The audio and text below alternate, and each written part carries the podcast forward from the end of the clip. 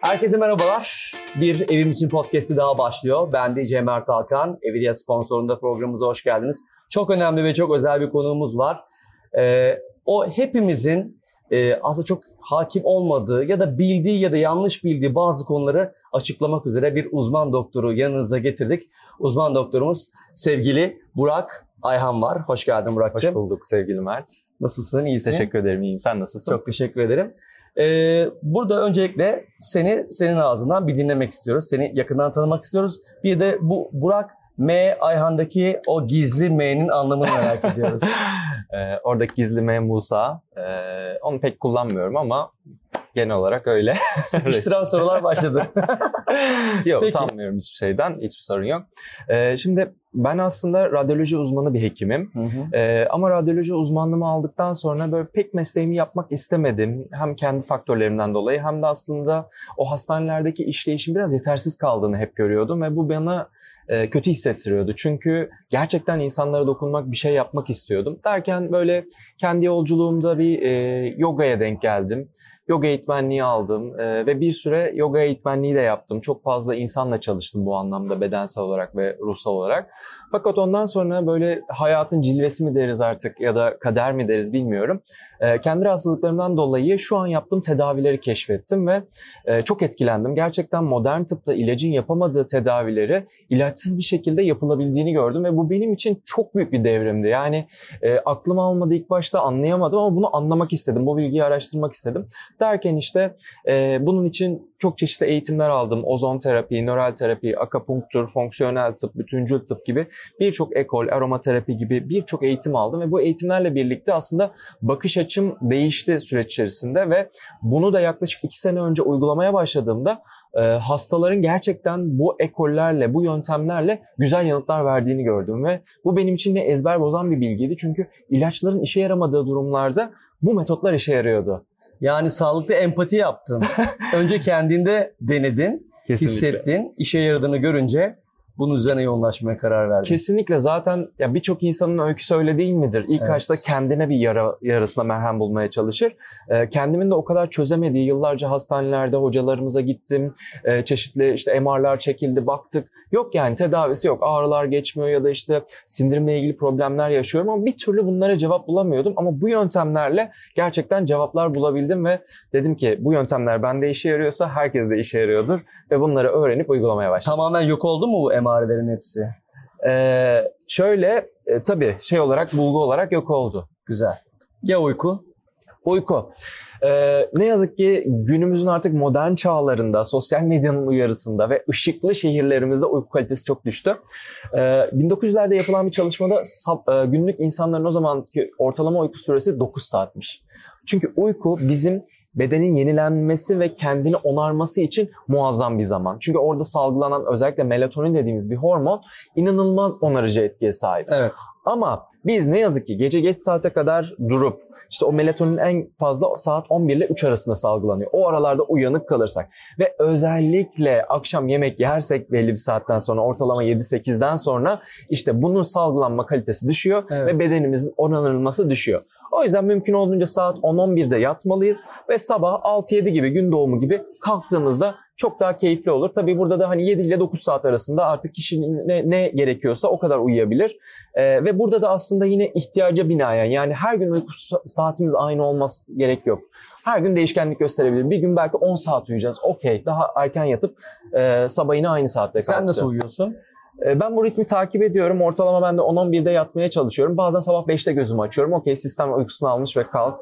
İşte Hı hı. sabah meditasyon, e, rutinlerimi, egzersizlerimi yapıyorum. Ama bazen 6-7'ye kadar uyuyabiliyorum. Peki kaliteli uyku, uyku için e, nasıl yorgan ya da yastık tercih etmek lazım? Tabii burada hani o e, eski gün yorganlar ağırlık yapınca bize daha iyi hissettiriyor. Bir. ikincisi yani kişi nerede rahat ediyorsa burada böyle çok bir standartizasyon yok.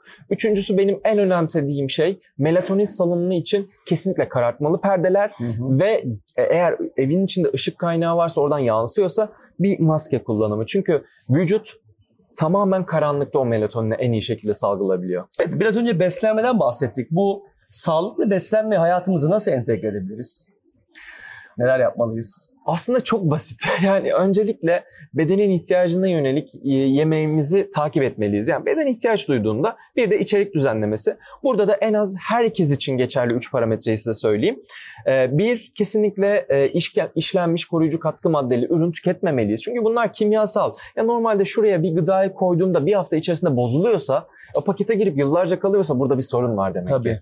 Ee, moleküler yapısı değişiyor. İki, ee, ekstra şeker eklenmiş gıdalar bunlar çok ciddi vücutta oksidatif stres oluşturuyor ve bizim e, zorluyor, hücrelerimizi zorluyor.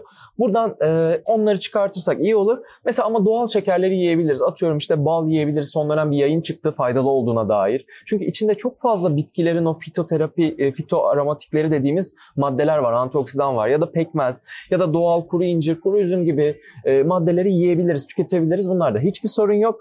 Ama ekstra şeker eklenmiş şeyleri tüketmemeliyiz. Ve üçüncü parametre ise süt ürünleri. Ne yazık ki çok inflamatuar yani bedeni mahvediyor. Zaten yedikten sonra da herkes böyle bir karın şişliği, gerginlik yaşıyor süt ürünlerini tükettikten sonra. Ben çok seviyorum. Herkes çok seviyor. Çok lezzetli çünkü bedende şöyle bir etkisi var. Morfin türevi kazeinomorfin salgılanıyor bağırsaklardan ve bizi böyle uyuşturuyor. Hepimiz pizza ya da böyle güzel peynirli bir makarna yedikten sonra böyle yamulduğumuzu hissetmişizdir. O da Beykoz'un işte köylerinden evet evet. süt getirtiyoruz. Ev yoğurdu yapıyoruz böyle kalın kaymaklı, ekşi. En büyük keyfim gece onu yemek. Kalkınca da neden benim göbeğim çıktı diyorum. Kilo mu aldım? Öyle tar- tartılıyorum. Hayır kilo almamışım ama bir şişkinliğe sebep oluyor. Kesinlikle. Orada da belki hani süt ürünlerini şöyle tüketebiliriz. Eğer bağırsak florası dediğimiz o içerideki bakteriyel düzeni onardığımızda orada tolere edebiliyor. Sadece e, şey özelinde, süt ürü- e, yoğurt özelinde. Evet. E, onun onun dışında da peynir olarak da hani yiyecekseniz çok bağımlıysanız da mümkün olduğunca daha yıllandırılmış parmesan gibi e, peynirleri tercih etmek gerekiyor. Hmm. Ya da eski kaşar Tabii gibi. şimdi karnım şişince de tabii doğal olarak bende de bir stres oluşuyor. Tabii. Peki bu stresten korunmak için neler tavsiye ediyorsun bize günlük hayatımızda? Ee, şimdi stres için aslında en önemli faktör bizim zihin yapımız. Olaylara nasıl yaklaşıyoruz, na- nasıl değerlendiriyoruz? Burada da biraz psikolojik dayanıklılığı öğrenmemiz lazım. Ne yazık ki psikolojik dayanıklı bir toplum değiliz. Hı hı. Çok duygusal reaksiyonlar veriyoruz. Çok tepkiseliz olaylar karşısında. Evet. Burada da e, kendi hastalarıma da önerdiğim, e, yogada da kullandığımız nefes ve meditasyon çalışmalarının çok ciddi kanıtlanmış bilimsel etkileri var. Bunlar yine parasempatik sinir sistemini aktive edip bizi gevşetiyor, rahatlatıyor ve beynimizde özellikle stresle alakalı, travmayla alakalı merkezlerin aktivasyonunu düşürüp bizi daha prefrontal korteks dediğimiz daha mantıklı düşünme, olayları daha e, objektif değerlendirme alanlarını aktive ediyor. Bunları düzenli yaparsak kendimizi daha iyi hissettiğimiz bir aşikar ki ben bunu düzenli yapıyorum. Çok rahatım o konuda. Peki birisi sana gelse ve dese ki özetlemek gerekirse yani ben sağlıklı olmak istiyorum. Beslenme, uyku e, ya da yaşam stili olarak böyle 3-4 ana başlık altını çok kısaca tavsiyede bulunsan neler olurdu? Aslında anlattıklarımızı toplayacağım. Bir, beslenme temel olmazsa olmaz hepimiz için. İstediğimiz gibi her şeyi yiyemeyiz, her şeyi tüketemeyiz. Zevk verse de. İki, uyku çok önemli. Gece geç saatlere kadar e, kalmamak. Özellikle işte o mavi ışığın uykuyu bozduğunu zaten artık biliyoruz yayınlardan. Uykuya dikkat etmek. E, üç, dengeli yaşamak. Burada insanların en büyük kaçırdığı şey bizi bir makine gibi görüyor. Herkes kendini bir makine gibi görüyor ve sabahtan akşama deli gibi performans yapacağını düşünüyor. Böyle bir şey yok. Yani biz insanız. Ee, ne kadar aktifsek o kadar da pasif olmamız gereken gün içinde zaman var. Bu dengeyi oturtmak hayatımızda. Ya Avrupa'da benim gördüğüm insanlar saat 5'te bilgisayarını kapatır ve 5 5'e 10 geçe mail cevaplasalar şey sorarlar. Senin hayatında bir sorun mu var? Neden maillere döndün? Ama Türkiye'de ne yazık ki 10 11'lere kadar çalışan insanlar var. Bu çok üzücü. İnşallah düzelir diyorum. Ee, dördüncü faktör ise egzersizlerin mutlaka. Ee, çok yormadan, kendimizi çok hırpalamadan, e, kendi beden ağırlığımızla yaptığımız egzersizler e, uyarıcı etki yapıyor. Aslında egzersiz iyi bir şey değildir onu söyleyeyim. Herkes sanki iyi bir şey olarak algılıyor. Egzersiz bizim kas dokularımıza ve sistemimize zarar verir. Ama onun yarattığı o minicik zararlar sisteme şu uyarı verir. Kendimi o kadar iyi onarmalıyım ki daha güçlü hale getireyim. Antioksidan kapasitesini arttırır işte e, oksidatif stresini azaltır. Yani e, stimüle eder onu. Böyle Spor zararlı diyorsun yani. sporun yani normalde yapım sırasında zararlı ama o dinlenim onarım aşamasında iyi beden kalitelisi onardığı için kendini yükseltir. Yani böyle bir etki var. Aslında tersten bir mantık var. Evet. Sporun E, evet yaptığımızda yararlı ama kendisini yaparken zararlı. O yüzden çok vücudumuza hor kullanmamak, ağır egzersizler yapmamak. Yani mesela Iron Man'i duymuşsundur. Hani Iron Man'ler bitiriyor insanların sistemini. Duymamam mümkün değil. Oğlum durmadan Iron Man, Iron Man oyuncağı, tişört, ayakkabısı. Yok bu biraz daha yarış triatlon oluyor. Ee, mesela profesyonel sporcular, bodybuildingçiler erken yaşta kalp krizi geçirir. İşte bu yüzden stres e, sistemi çok yordukları için. Burada da cehaletim ortaya Ya, çıkmış oldu.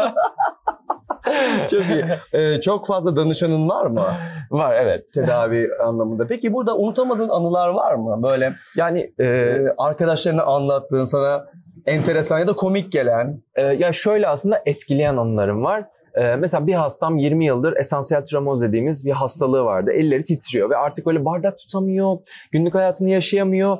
E, ve bunu tedavi ettikten sonra %90 oranında geçip artık bardak tutup hayatını daha rahat yaşaması beni çok etkiliyor. Ya da bunun gibi böyle birçok Komik yok mu Ee, komik?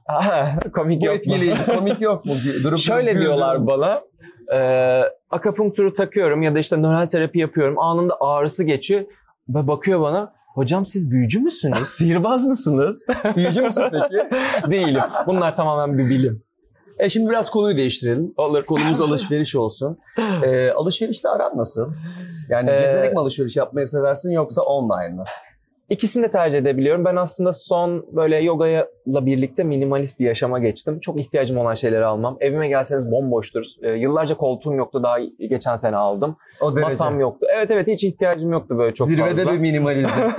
evet, evet şu anda da hala ihtiyacım kadar tüketiyorum. Ama e, o anda hangisi kolayıma geliyorsa ya gitmek ya da online ikisini tercih Tam edebiliyorum. onu soracaktım. Evdeki dekorasyonun ya da muayene yaptığın alandaki dekorasyon nasıl? Çok minimal ve ihtiyacım kadar daha fazlasını kullanmıyorum. Hangi renkleri genelde kullanıyorsun? Hangi renkler? Ee, ya renkli bir kişiliğim vardır. Evimdeki Yansıtır mısın koltuk- evine? Evet evet. Mesela duvarlarımı yeşile boyadım. Ee, koltuğum turuncu renktir. Ee, böyle değişik renkleri kullanmayı severim. Canlı renkleri kullanmayı severim. Günlük hayatımda da daha böyle sarı renklerini mesela çok severim. Giyerim, kullanırım. Evet. Ee, klinikte de daha böyle e, orada biraz daha sade takılıyorum beyaz üzerine. E Peki ev eşyalarıyla aran nasıl? Güzel. yani- Olmazsa olmaz böyle bir eşyan var mı? Evde vazgeçemediğin bir şey var mı? Hmm, sanırım böyle orada temeller dışında e, duvar aksesuarlarını seviyorum. Böyle tablolar e, ya da güzel ortamı neşelendirecek şeyler. Peki sen mi tasarladın kendi evini ya da Evet evet.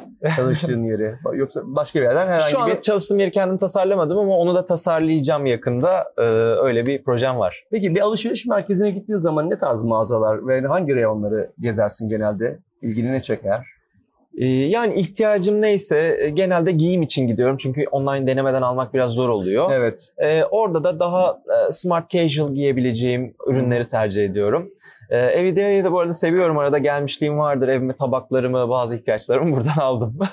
Genelde mutfak reyonunu mu kullanıyorsun buraya geldiğin zaman? evet mutfak reyonu. Güzel. Şimdi seninle bir e, sıkıştıran sorular bölümümüz var. Bizim ekibimizin hazırladığı. Güzel. O, o soruları soracağım sana. Hazır mısın? Gerçi Hazırım. hepsi işinle ilgili ama adı sıkıştıran ama seni sıkıştıracağını pek zannetmiyorum. Peki e, bütüncül yaklaşımın yeterli olmadığı zamanlar oluyor mu? Evet olabiliyor. Ee, Hastanın e, iyileşme kapasitesine bağlı bu. Özellikle çok yaşlı hastalarda zorlanıyoruz ya da daha çok uzun seans gerekiyor.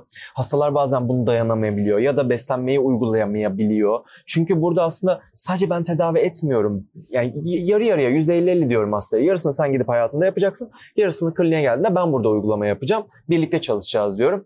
E, burada hasta uyumunun zor olduğu vakalarda zorlanıyorum. Ya da dediğim gibi yaşlı insanlarda onların iyileşme kapasitesi düştüğü için yaşla birlikte orada zorlanıyorum. Hiç iyileştiremediğin hastan oldu mu? Şöyle e, benim iyileştirme skalam kendi kafamda en az %70'in üzerine gelmektir. Ee, %50-60'da kaldığım vakalar oldu. Ee, orada ilerleyemedik, zorlandık. Ee, bu vakaları ben böyle biraz daha zorlu olarak düşünüyorum ama en azından hani bu gibi oranlar e, ilaç tıbbında zaten istenen oranlar bile olabiliyor. Peki danışanlarına böyle tavsiye verdiği süreçlerin sana iyi gelmediği zamanlar oldu mu hiç? Pek olmadı ya. Ee, şöyle oluyor aslında. İlk başta bir reddediyorlar. Ya ben bunu yapmakta çok zorlanırım bilmem ne ama yapıp ve etkisini görünce kendilerini çok iyi hissediyorlar. O yüzden hani buna uzun bir vade bakıyorum. Ee, hemen anlık geri dönüşleri umursamıyorum. Peki e, kendini bazen böyle psikolog gibi de hissediyor musun tavsiyeler verdiğin için? Ee, Ya itiraf edeyim. Böyle şeyler söylüyorlar Ben mı? psikolog değilim ama çok fazla terapi eğitimi aldım. Böyle e, çok yönlü olmayı seviyorum. Hastanın zihinsel yapısını da değerlendiriyorum çünkü. Çünkü bir hastalık sadece bedende değildir, sadece zihinde değildir. Aslında zihinle beden bir aradadır. Evet bazen böyle küçük yerlere temas edip dokunuyorum. Ağlattığım insanlar bile oluyor. Özür diliyorum onlardan. Ama e, o bir ferahlama yaratıyor. Çünkü farkına vardığında onu düzeltmek için eyleme geçebiliyor. Asla bir psikolog olduğumu e, iddia edemem. Sadece bunu hastayı anlamak ve bazı noktalarında temas edip onu düzenlemek için yapıyorum ama gerekirse zaten terapiye yönlendiriyorum hastalarımı. Peki sadece ruhu iyileştirmek hareketsiz bir beden için yeterli mi sence?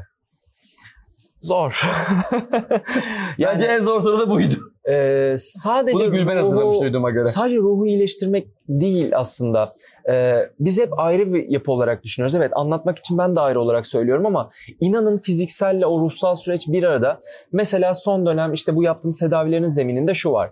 Bağırsak rahatsızlıklarının biz birçok zihinsel psikolojik rahatsızlık yarattığını biliyoruz. Dikkat eksikliğinden tutun şizofreniye kadar ya da otistik spektruma kadar ve bağırsağı düzelttiğimizde bu insanların düzeldiğini de biliyoruz.